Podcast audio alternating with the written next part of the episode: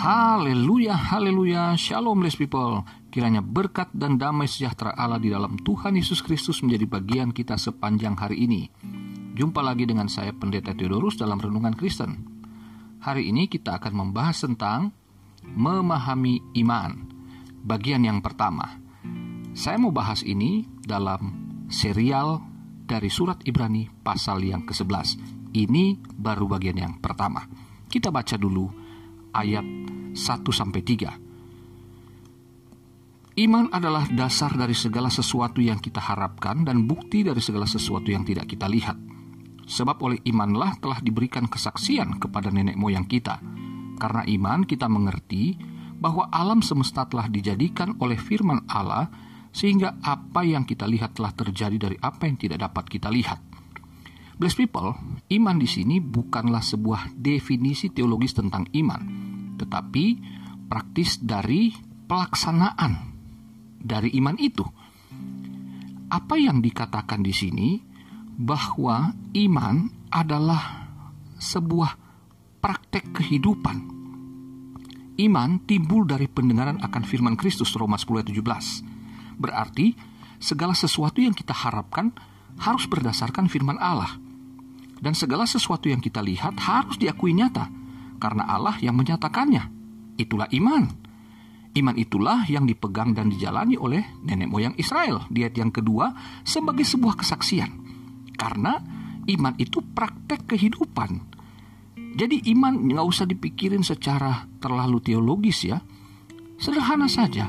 Percaya kepada Tuhan, percaya kepada firman-Nya, laksanakan.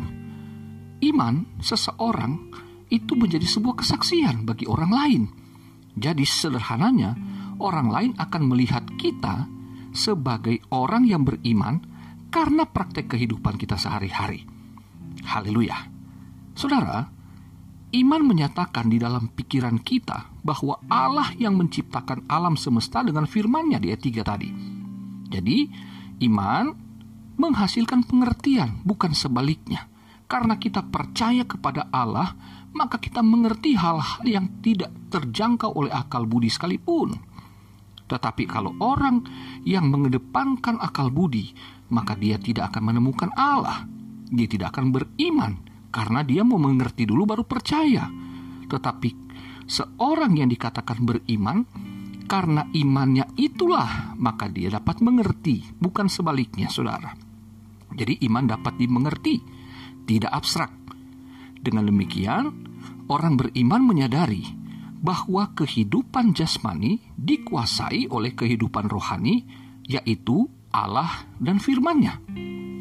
Kehidupan orang beriman harus ditinjau dari perspektif firman Allah. Untuk itu, saya mau sampaikan e, beberapa bagian sepanjang Ibrani pasal 11 ini. Bagian yang pertama, karena iman, seseorang dibenarkan dan persembahannya diterima oleh Allah. Ayat 4 sampai 6. Begini firman Tuhan. Karena iman, Habel telah mempersembahkan kepada Allah korban yang lebih baik daripada korban Kain. Dengan jalan itu ia memperoleh kesaksian kepadanya bahwa ia benar karena Allah berkenan akan persembahannya itu dan karena iman ia masih berbicara sesudah ia mati. Karena iman Henok terangkat supaya ia tidak mengalami kematian dan ia tidak ditemukan, karena Allah telah mengangkatnya. Sebab sebelum ia terangkat, ia memperoleh kesaksian bahwa ia berkenan kepada Allah. Tetapi tanpa iman, tidak mungkin orang berkenan kepada Allah. Sebab barang siapa berpaling kepada Allah, ia harus percaya bahwa Allah ada dan bahwa Allah memberi upah kepada orang yang sungguh-sungguh mencari Dia. Nah, saudaraku, di sini ada dua tokoh iman yang disebut dalam perjanjian lama yaitu Habel dan Henok. Habel mati terbunuh sementara Henok tidak mengalami kematian, tetapi keduanya dibenarkan, diperkenan karena imannya. Nah, Saudara, apa yang dilakukan Habel bahwa persembahan korban dari Habel dinilai Allah bukan dari jenisnya tetapi dari iman. Dan dengan iman tersebut, Habel mengerti apa yang terbaik bagi Allah. Nah, saudara yang terkasih, bahwa kita sering kali berpikir kita harus membawa apa kepada Tuhan supaya Tuhan berkenan kepada kita. Tetapi sesungguhnya sederhana saja. Dalam Roma 12 ayat yang pertama dikatakan, kita hanya perlu mempersembahkan tubuh kita sebagai korban persembahan yang kudus, yang hidup, dan yang berkenan. Kehidupan kita yang telah dimenangkan di dalam pengorbanan Kristus itulah, maka kita yang berdosa telah dibenarkan oleh korban Kristus. Kita dikatakan kemudian dalam 1 Korintus pasal 6 ayat 19 dan 20, kita ini adalah milik Kristus.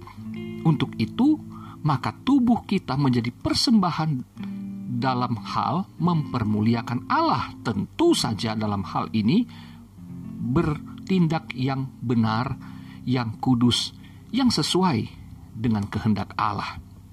Saudaraku, Paulus juga berkata bahwa dia bukan miliknya sendiri. Dirinya, hidupnya, bukan miliknya, tetapi milik Kristus. Karena sekarang Kristus berdiam di dalam tubuhnya. Ini konsep yang sama dengan satu Korintus tadi, bahwa Kristus yang telah mati bagi dia telah membeli dia sehingga dia tidak, tidak boleh hidup berdasarkan hawa nafsunya tapi harus hidup oleh iman. Karena Yesus yang telah mengasihinya dan telah mati bagi dia. Galatia pasal 2 ayat 19 sampai 20 itu kata Paulus nah saudaraku Henok tidak mati tetapi seumur hidupnya dia mempersembahkan dirinya dengan apa yang dituliskan oleh kitab kejadian pasal yang kelima bahwa Henok itu hidup selalu berjalan dengan Allah. Henok tidak pernah menyimpang dari Tuhan. Dia 21 sampai ayat yang ke-24 kitab kejadian. Henok hidup bergaul artinya dia sepenuh hidupnya, dirinya betul-betul dipimpin oleh Tuhan. Karena berjalan di situ diartikan sebagai persekutuan ya dalam satu fellowship yang terus-menerus yang menjadi kebiasaan daripada Henok. Kesehariannya adalah hidup bergaul dengan Allah. Itulah persembahan yang terbaik. Saudaraku yang terkasih, Mazmur 50 ayat 14 dan 23 juga mengatakan, Persembahan yang berkenan kepada Allah itu bukanlah binatang berupa korban hewan-hewan yang dipersembahkan di bait Allah atau di kemah suci Musa, bukan itu.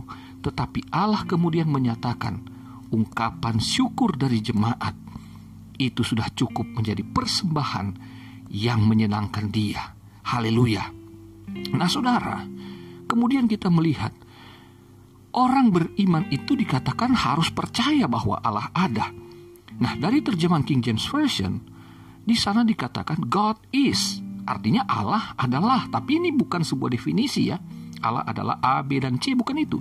Tetapi mengacu pada keluaran 3 ayat 14. Ketika Musa bertanya siapakah namamu, maka Allah menjawab, Aku adalah aku.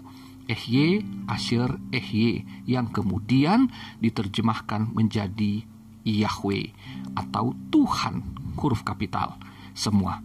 Nah, lalu kemudian kita dapat memahami Allah ada. Allah ini adalah nenek moyang Israel di masa lalu. Tapi kemudian kita juga sadar, dialah Allah yang kita kenal di masa kini dan dia tetap Allah bagi keturunan kita di masa depan. Ibrani 13 ayat 8 mengatakan Yesus Kristus tetap sama bukan? Baik dulu, sekarang bahkan sampai selama-lamanya. Haleluya. Jadi saudara, kita harus percaya bahwa Allah sudah bekerja dan mengasihi kita sebelum bahkan kita ada. Kita ada sekarang, bahkan ketika kita tiada, kelanjutan keturunan kita pun itu menjadi satu proyek Allah yang luar biasa.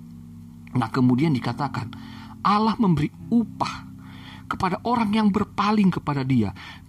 teks di sini sebetulnya terjemahan di sini maksud saya kurang kurang pas karena teks Ibraninya, eh, sorry, eh, teks Yunaninya itu sebetulnya menunjuk eh, mengartikan maksudnya barang siapa datang kepada Allah. Karena kalau berpaling kepada Allah seolah-olah belum bertobat dan diselamatkan. Tetapi justru karena kita sudah diselamatkan, karena pertobatan kita itu, maka kita harus mencari Allah. Waktu masih hidup dalam dosa, belum diselamatkan, Allah yang mencari kita. Tetapi setelah kita diselamatkan, kitalah yang harus mencari Dia. Keselamatan yang diberikan adalah anugerah, tapi menjalani kehidupan beriman setelah diselamatkan itu harus menjadi kehidupan yang kontinu, terus-menerus. Maka di ke sana dikatakan kita akan mendapatkan upah. Keselamatan bukan upah, tapi anugerah. Tetapi setelah diselamatkan, kita akan diberikan upah karena pengenalan, karena penyertaan kita kepada Dia. Haleluya. Jadi upahnya itu adalah upah kekekalan saudaraku ya, bukan upah berupa harta materi.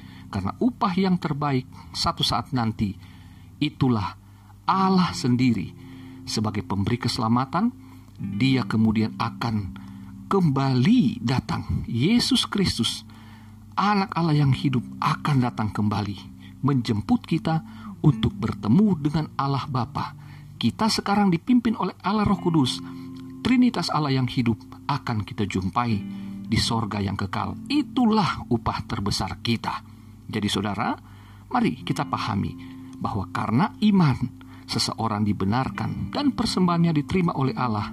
Itulah saudara dan saya yang setia mengiring Tuhan apa pun yang terjadi, apa pun resikonya. Tuhan Yesus memberkati.